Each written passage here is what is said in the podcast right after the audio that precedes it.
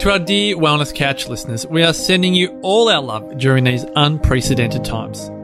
Now is the time to appreciate what community really is all about. And on the back of our wellness base camps in Geelong and Camden being postponed, we've decided to run a virtual experience that anyone can attend. It's called Crisis to Confidence.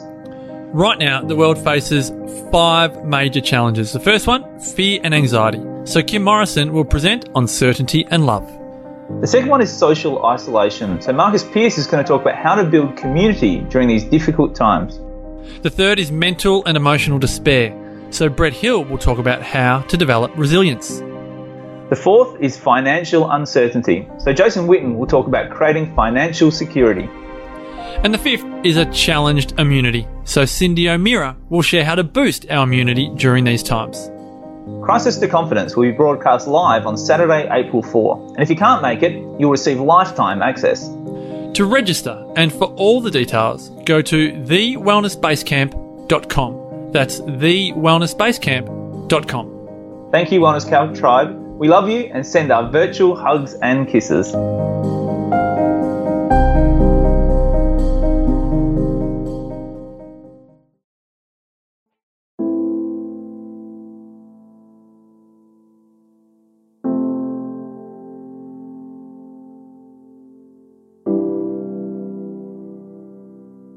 Welcome to Nourishing the Mother, where inspired women talk about the journey of motherhood through the common thread of parenting, relationship, and sexuality as a path to consciousness. We ask, in what ways can we show up more fully, live more meaningfully, parent more wholly, and love more unconditionally? How can we mine the wisdom from the experiences of our lives and expand into those challenges? If you are here, you care about paving a path of conscious and intentional motherhood, connected with yourself and your gifts, and also illuminating your children in theirs, so we may raise more whole humans who can impact this world in a more humane way. And if you feel like giving a little back to this free content, please become a patron of the show and receive extra member benefits for less than a coffee a month. Or you can leave a review on iTunes and Facebook, all of which helps the podcast keep going and reach more mamas who need this type of tonic for the soul. Head on over to patreon.com forward slash NTM podcast to find out more. We are Julie Tenner and Bridget Wood, and we are so grateful you're here.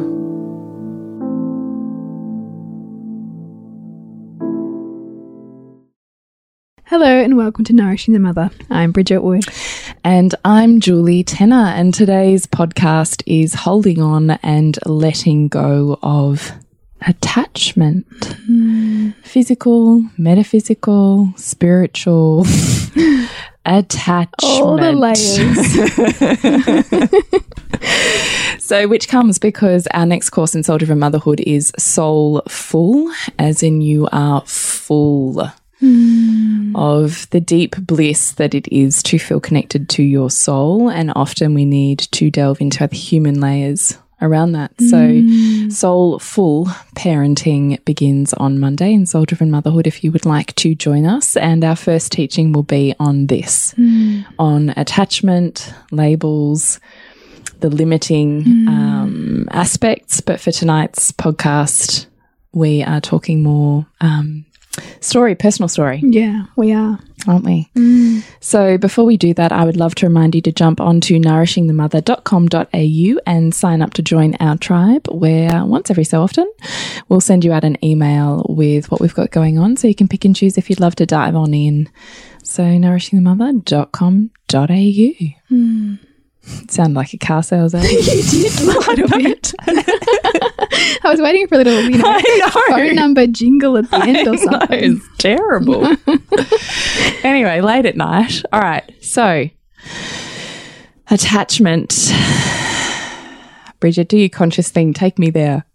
Well, it's interesting because I'm sitting here thinking about all of the kind of versions of myself in relationship to attachment parenting versus Mm. attachment as a secure attachment piece with children and then attachment and what it means to be attached to something in the physical form. Like a Buddhist practice. Like a Buddhist yeah, practice. As opposed to attachment versus non attachment. Yes, Yeah. yes. So I think about attachment parenting and I think about like the continuum concept and evolutionary approaches to parenting and the idea of us being close to our babies and meeting every need and mm. and God, I feel that so deeply. Like, that was absolutely mm. 100% line and sinker I was in for that. Mm, and I still listen occasionally to uh, or you know immerse occasionally into some of the literature or you know theories around this. Like I know that the the raised good website and and social media talks a lot about you know similar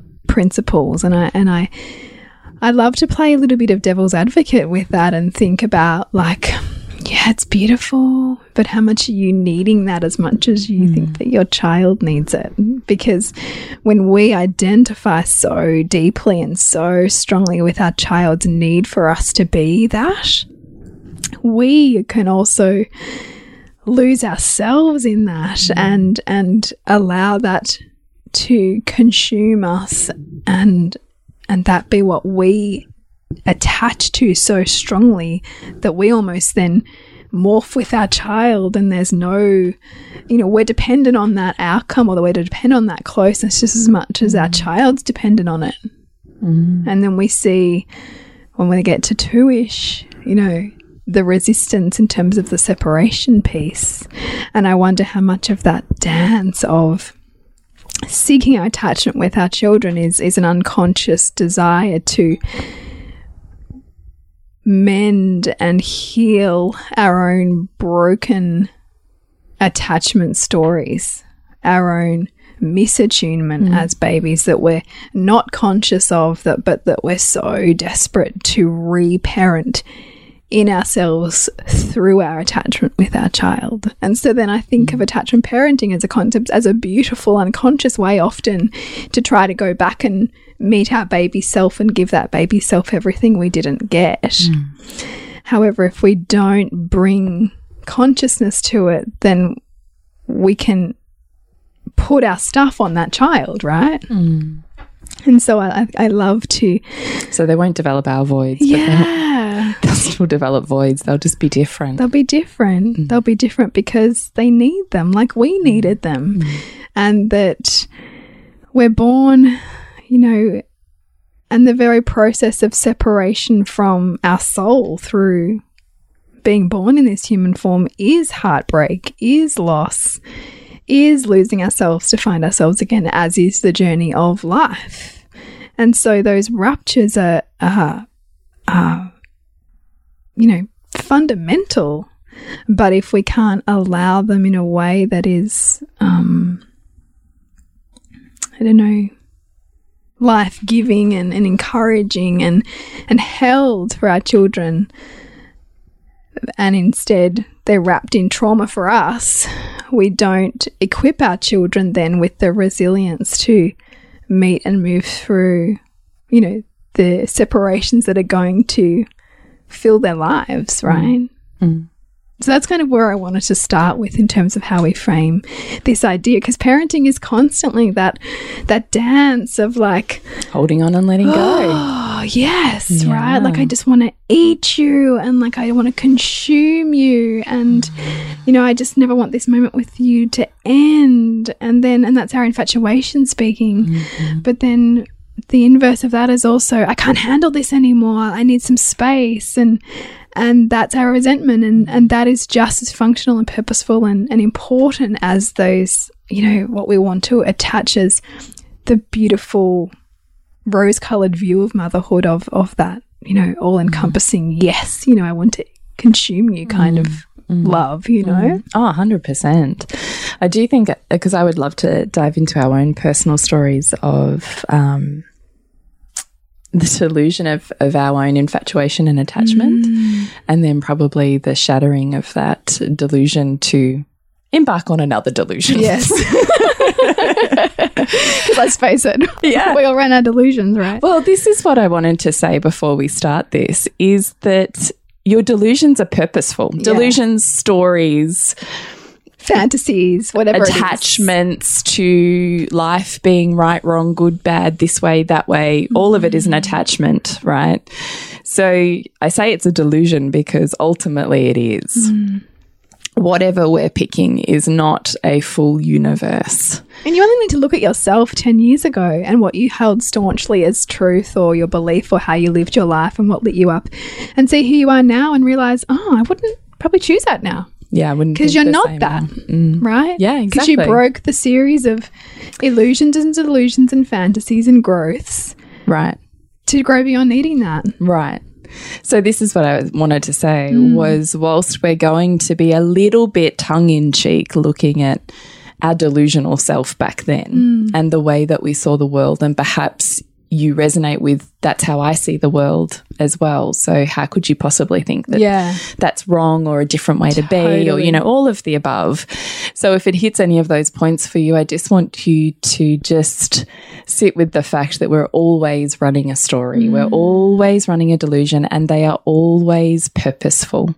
Our delusions are not um, or stories like insert whatever word you want to use infatuations, attachments are always on path. Mm. And I think karmic mm. like they're designed for us to feel the pain of, to experience a certain trajectory of life mm. through that delusion so that we come through the other side of it and pff, it's shattered and we move into the next one.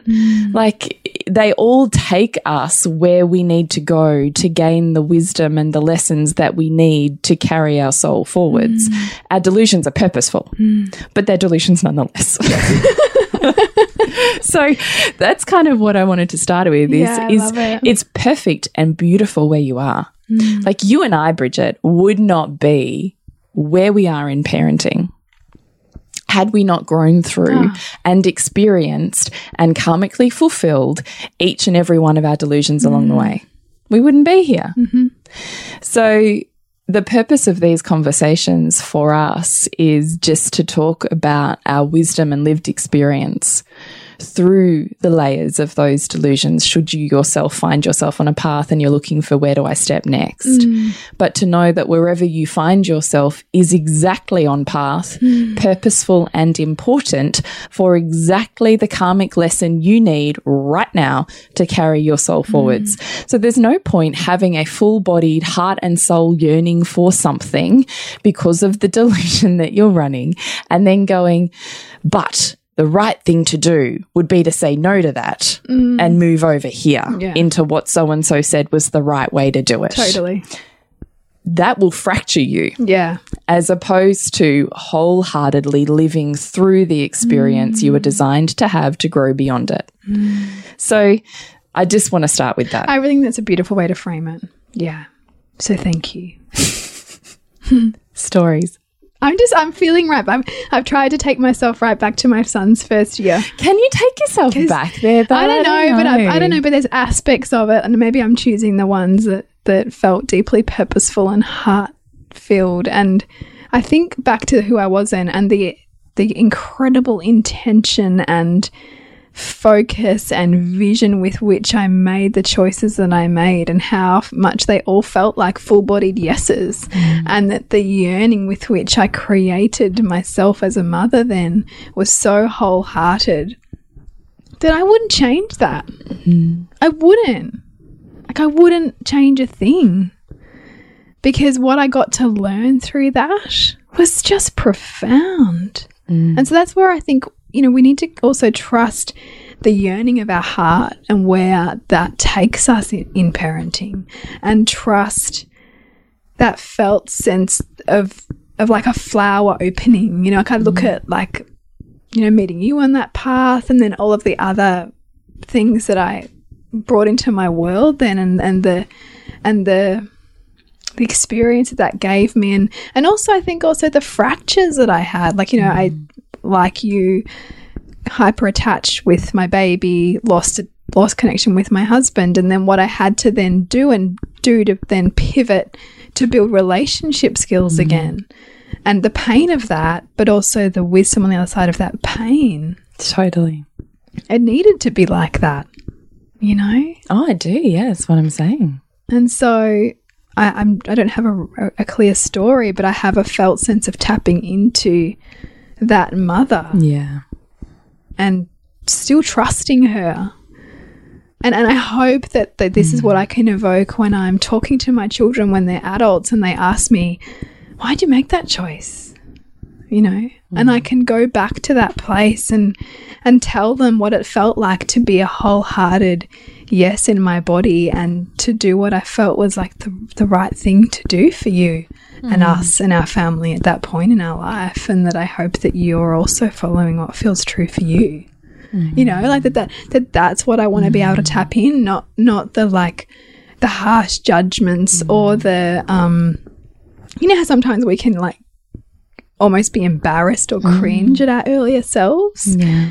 i hope that i can still bring mm. s- a somewhat of a level of you know reverence for that love. person right? Mm. Because we're all evolving. Yeah. Ain't that true? Mm. the wheel keeps spinning. and so do we. Tell me about your stories. I'll, I have a lot of trouble putting myself back at number one, to be honest with you. It, was, mm. it feels It's a long time ago. so long ago now. It's kind of, I f it feels really hard. Um, my number one wasn't a full attachment baby. It was through the pain of not fitting in a mainstream system after having had a profound birth, mm. But not equipping myself at all for parenting. that was that was the difference because I'd done a shit ton of research on parenting even before I became a parent, whereas you kind of did. I did nothing. Yeah, you didn't do that part. didn't kind of occur to me that was going to be a problem. Mm. Which now I laugh at myself. Yeah. But honestly, back then, I thought the biggest challenge was going to be having a physiologically normal childbirth Yeah.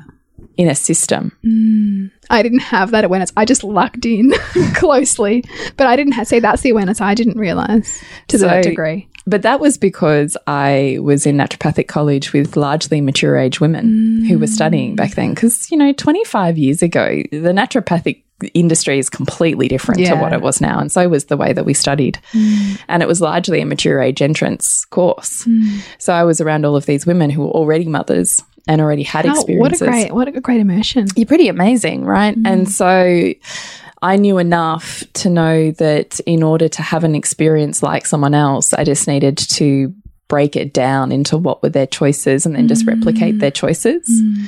So that's what I did. I looked at these women that I was around and I looked at the ones I wanted to emulate, be, have the experience of, and went, tell me what you did. Mm. And then I just copied, mm. cut and paste. And then, of course, that opened up each of the doors that opens up my own exploration. But nowhere would I have started that journey without speaking to those women. Hmm. So I was so immersed in birth that I didn't kind and breastfeeding, hmm. obviously, naturopathic. And I went to all of the breastfeeding stuff and, you know, was good with that. But baby settling and what you do and growth of infant, like nothing, hmm. knew nothing. And come from obviously a motherless mother, completely disconnected from any sense of um, community or support. No relationship with my mother in law would probably more likely have told her to fuck off than please come closer. Um, first one of my friends to have a baby. No, no one else had babies. Everyone else was still partying. We were living in St Kilda, which is an inner city suburb and is highly transient. So You no were, one like, stays on your own, right? Totally on my own. So, um, my attachment then was just to meet meet as much as I could possibly meet and give as much of myself as I could possibly give. Because my mother in my in the delusions I was running then my mother never gave of herself above her own needs. So whatever it was going to be, I would sacrifice my body, my heart, my mind, my soul for my child before I even worried about me because I needed to. So, you know, I mean, it was a pretty tumultuous. I wasn't prepared for the lack of sleep. I wasn't prepared for um, how much of an identity uh, identity shift, but more how much of a responsibility and commitment it was for me as the mother of a fully breastfed infant who I wanted to parent consciously and with attachment. So I definitely knew a lot about attachment parenting, but not Yeah. specifically how I was going to do it. Yeah. Um, and so the fractures, the anger that that created as a resentment towards my partner was towards Nick was massive. Because he couldn't see or understand. Um, or just because he was fumbling, he didn't know, Yeah. and I didn't know, and And it's easier to like like anything right. We want he would to just sleep. Well, and he would just sleep. Yeah. because he's not wired like me. Like every sound, I was like awake Yeah. and settling and whatever, and he could sleep through the crying and like legit just not hear it. Which is enough to make you rage. Oh, rageful. Ah, I actually remember one night settling this baby and pacing backwards and forwards in front of the bed, going, You fucking serious? Like, and end up kicking him out of bed. like, literally, baby in my arms, kicked him so hard he flew out of bed. So that So one way to get him to help.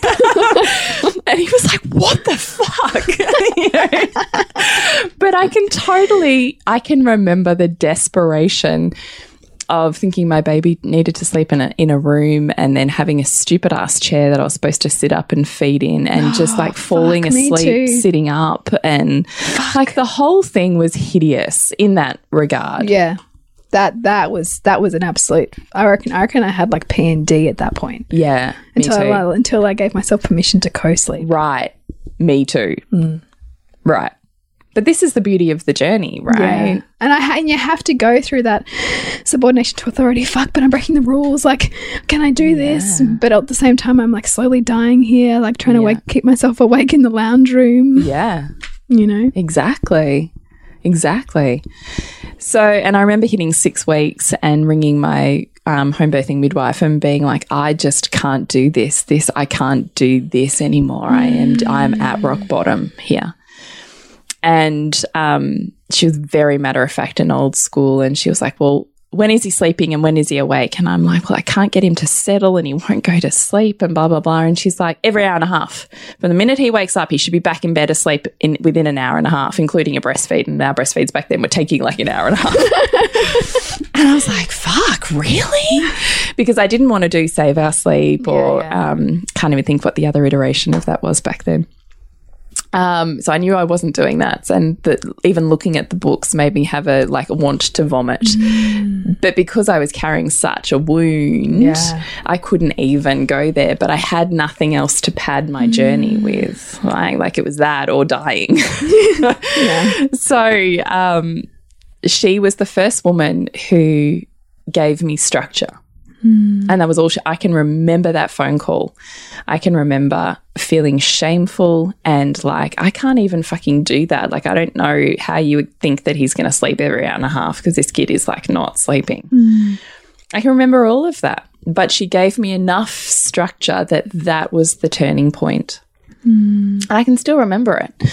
So I just all of a sudden I didn't have it even enough capacity to be able to tune in or understand what his cues were. I was trying to remember um, listening to whoever that woman was who who um, was able to tell you the different cry sounds Oh, and yeah. tones and notes and what they meant. I like studied her program and I was like, I can't decode my own baby. Mm. Like that's how Cue further shame. Right. Yeah. Yeah. You're supposed to watch their tired signals. And I'm like, I feel like I am now. I realize as an experienced mother, I mm. really was like missing all of them. But back then, I couldn't even get it. Like, I didn't mm. get it. Slash, also couldn't be told because I was a motherless mother who would not be told. Mm. so, mm. even if you were around that point in time, I probably wouldn't have listened to you because I mm. was too much like, fuck you, fuck the system, fuck off. Yeah. Like, really? Yeah. That's who I was. That was my attachment. In order to survive, it has to be me because no one else is safe. so, perfect delusion. Because it, it was genius to get you to empower yourself, right? Because you then had to go, well, this, it's me, it's on me, and yeah. and you went on a crazy mission to empower to get all the knowledge. Yeah. So then I got into Elizabeth Pantley's No Cry, no Cry Sleep Solution and found a local natural parenting play group who were all, you know, um, extended breastfeeding, co sleeping, family bed sharing. Um, I can't even think, attachment aware parenting. The um, leader of our pro play group back then was one of the original aware parenting instructors. So that's where I learned originally from her. And that was like a fucking gold mine. So by the time my son was eight months old, so between six weeks and eight months old, I went on a massive learning curve. And by the time I remember being him being eight months and being like, I fucking got this shit nailed. Mm. I want another baby. How amazing to do that level of like growth, right? In yeah. Because it was, it felt so easy. I was bored. Mm. I don't think I really understood the depth of the spiritual, the spirituality and consciousness of mm. parenting that I understand now that allows you, I think, to have increasing levels of depth in a, you know, ordinary It's, moment. funny. Like I, I find it interesting when people say, "Oh, I was bored at home with a baby." Yeah. Yeah, that was me. But I, I mm. think that's because your consciousness is just sitting too shallow. Mm-hmm. I don't think you understand the layers mm. that are available to you in that moment Yeah, or to right. them. I just don't think you can see it, feel it, read it, mm. you know. Anyway. So by the time I was he was nine months old, I was pregnant with a second. Um, and uh, so flash forward to her, I was going to undo all of the perceived trauma that I had created in my son with my first. Yeah. So hello, another perfect delusion. So you went the complete opposite way. I went the complete opposite, and I was as full blown hippie Earth flower. mother. Oh, you name it, I did it. my breasts almost permanently lived outside of my shirt, like, you know. I've got bosom for every child. Come to my village. Yes, exactly. was into all of my knot tying on my, you know, wraps. Ah, yeah, and, yeah, you know, I fed her till she was three. And, you know, we, we were right, I was right into the Steiner and the, like everything. I often think about our husbands and the mo- metamorphoses that they witness, Yeah. right? Like, which is the feminine, Yeah, it isn't is. it? It's Yeah, it it's is. the evolving, like ever changing. And bless his cotton socks, he just came for the ride. I'm laughing you- because that's like literally and metaphorically, yeah. do, you, do you reckon that he like sometimes looked at you and thought, "Oh, okay, this is interesting"? Oh, but that's that's the purpose of the delusion too, isn't it? Yeah. Is it evolves ever increasing layers of consciousness and mm. awareness, depth and intimacy if mm. you allow it and you stay in and open enough to grow together. Mm. Because if you close off from that, then ultimately you don't. Well, you go on different tracks, and so you can't. You, lose your ability to relate. So each and every step, it's been a, a new evolution of our relationship and learning how to be intimate with this new mm. evolution because it's a mm. new, it's a new person. I have new, de- new needs, new desires, new wants. Mm. How do I communicate those? What is in the way of those? How, you know, like everything is beautiful. So full blown hippie attachment to that. And then if you represented anything that was outside of that, I would physically recoil. Recoil. Watch out for judgmental Julie. right. No, really. I and I say that because I totally was there too. really like we say that we as the fringe dwellers of society are mm. judged by society Do just as much judging. no one is judging harder Yeah, yeah. It's true. honestly mm. no one is judging harder and by the time i got to number three and we were in our school community mainstream school community I realized what a fucking delusion that was mm. because the whole time I'm sitting here thinking they're judging me because I'm really judging them, so that judgment's coming back to me. They're just doing their thing. Don't give a shit what I'm doing. Yeah, yeah, They don't care.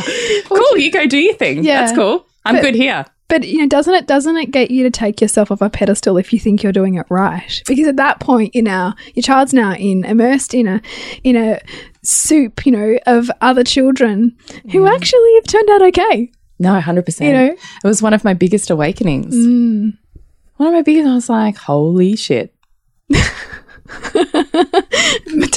Turns out my way might not be the only way. Yeah. Mm. Yeah. And just being really, really.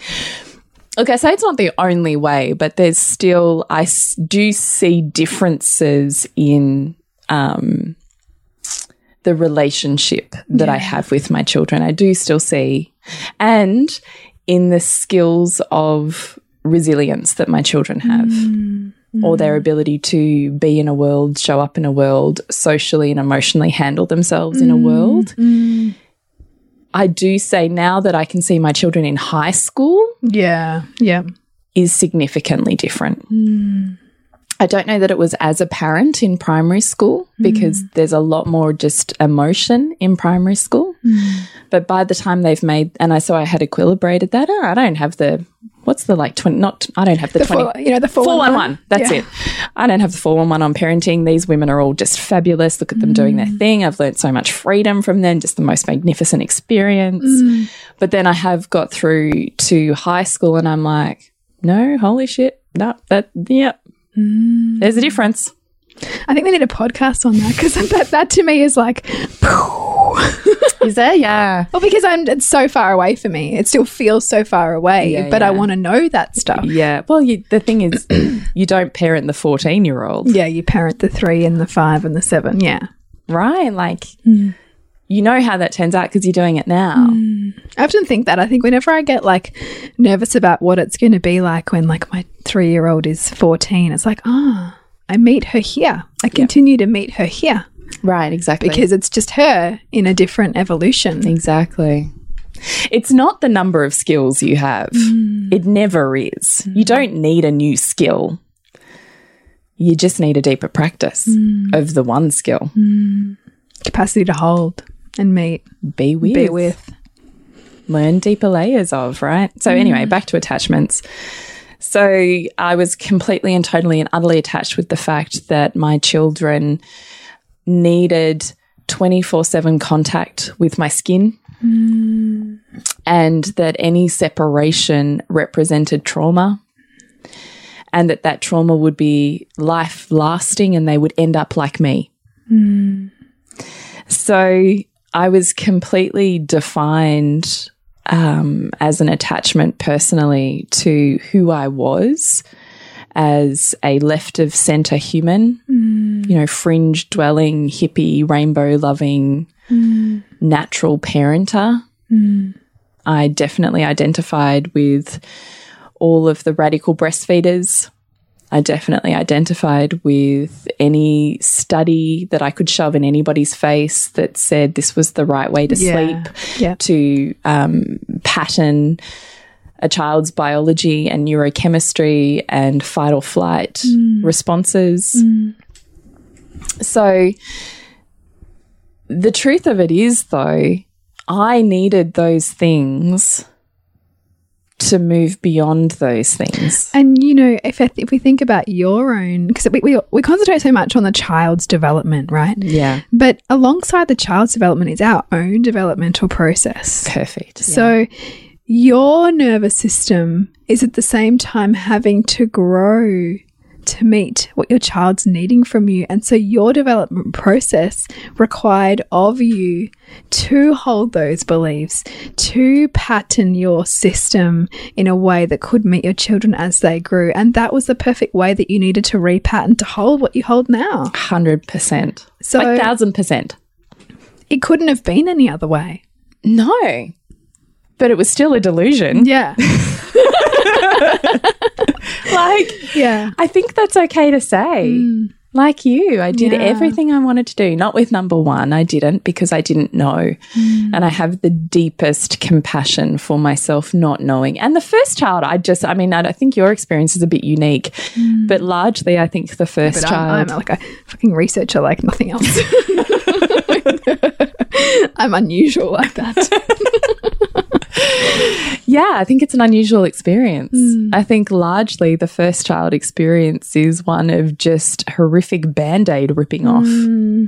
Or if you happen to luck out on number one, usually it's number two that gets yeah, yeah, yeah. So certainly, and I think that's harder actually. The women that I've known who've had an easy first baby and then a horror second baby, which of course you have to I know. to understand the other half of the world. My mum keeps saying to my brother, "You wait till you're second.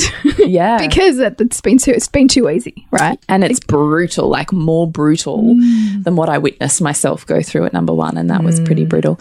But I learnt number one forced me having the attachment that it had to be all me, forced me into the community and to grow beyond the self in order to do and be everything I wanted to do because I couldn't do it on my own. That's the point of mm. consciousness. You mm. move from self actualization into, oh, it's meant for someone else and it's bigger than me mm. and let's do this thing together.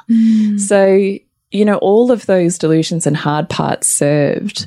But I still, there's still edges of the pain that I take myself back to, you know, when I see a crying baby in the mm. shopping center or And you can tap yourself I don't know, straight you know, whatever. it. Yeah. Yeah. And I just feel like, oh, I think I was just really disconnected because that was the only way I could cope. Mm. Mm. So, but you know, attachments back on ball.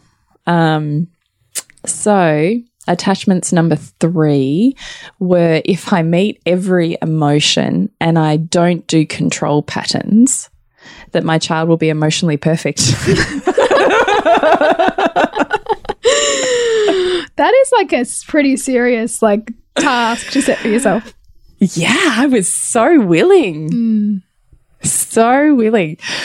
And so I get the child who is, in inverted commas, not emotionally normal and whose needs are extreme.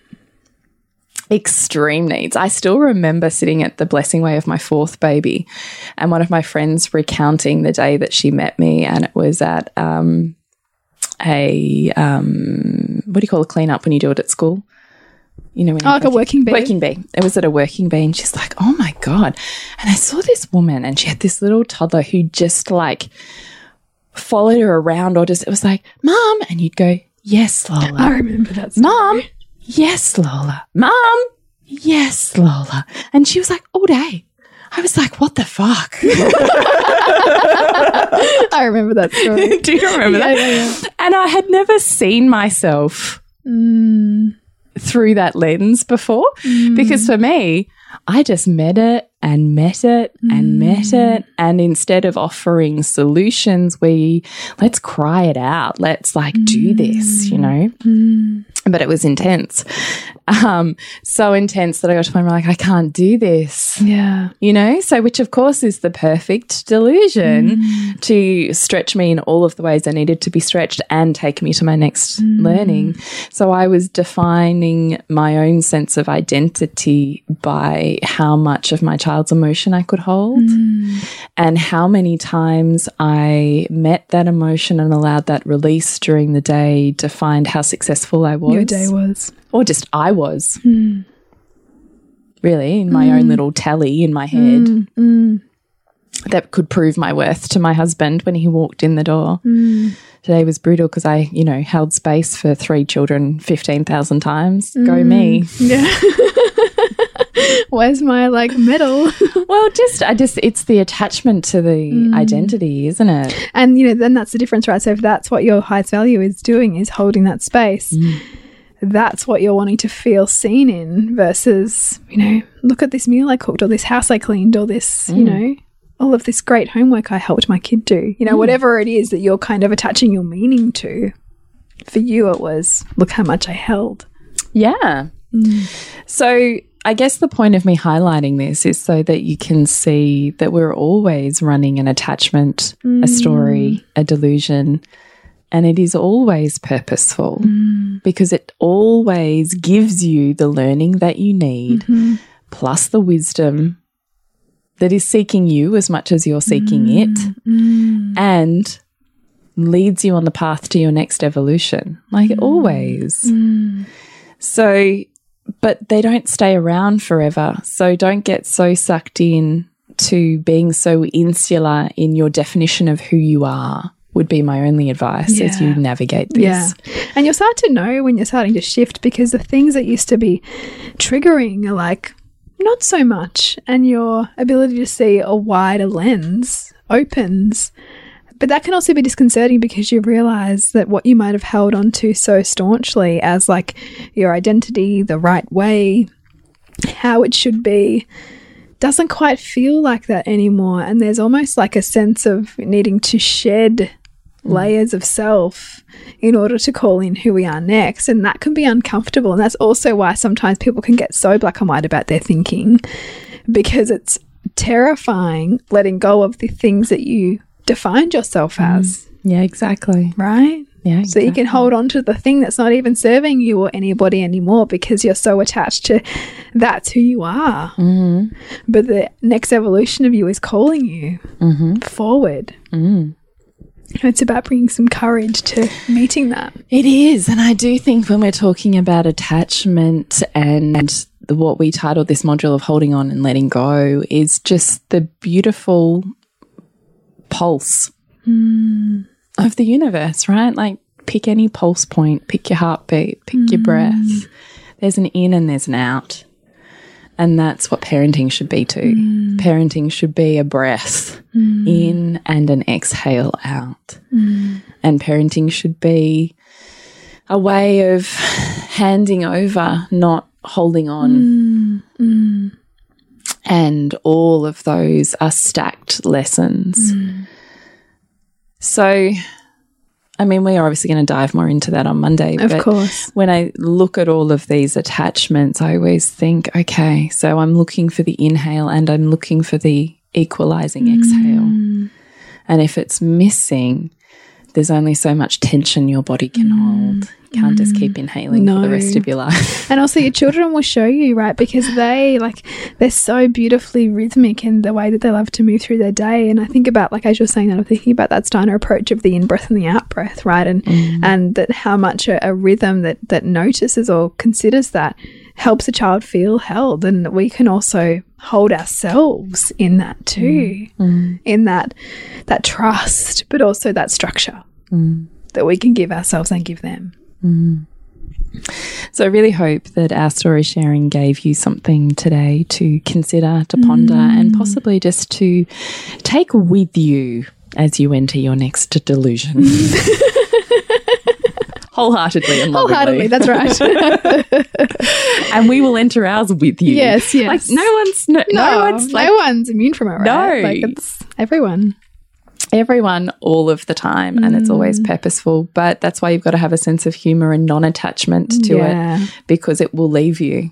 The thing that you Mm. think is so important right now will die. Mm. Like we're all dying Mm. from the moment we're born. And so is everything there. That we're attached everything is to. impermanent. Yeah. Nothing is as permanent as we want to make it. And that's the that's the practice too. To remember that. Totally. Mm. And if you were really interested in diving into more of the spiritual teachings of the foundation of soul driven parenting that we're talking about, so soulful parenting will be the place for you to find that. And you can check out nourishingthemother.com.au, Nourishing the Mother on socials or Instagram, and you will find it within Soul Driven Motherhood. Mm. And to connect with you, Jules, Is thepleasurenutritionist.com a new bridge. suburbansandcastles.com. Remember to nourish the woman to rock the family. And we'll see you next week when we continue to peel back the layers on your mothering journey. And if you want to support Nourishing the Mother and all the late nights, the early mornings, the blood, sweat, and tears we pour into our art, then please go to patreon.com forward slash NTM podcast and become our patron. As a patron, you're helping all of the cost of operating this podcast, the hosting, the editing, the transcription, helping all of that be completely covered, and joining a community who are all about honouring our journeys and continuing to open. The more support we have, the longer we can last. So become a patron. We'd love to have you. Go to patreon.com forward slash NTM podcast. We literally couldn't do this without you. Thank you so much for listening, and please share this podcast with anyone you think it would be medicine for.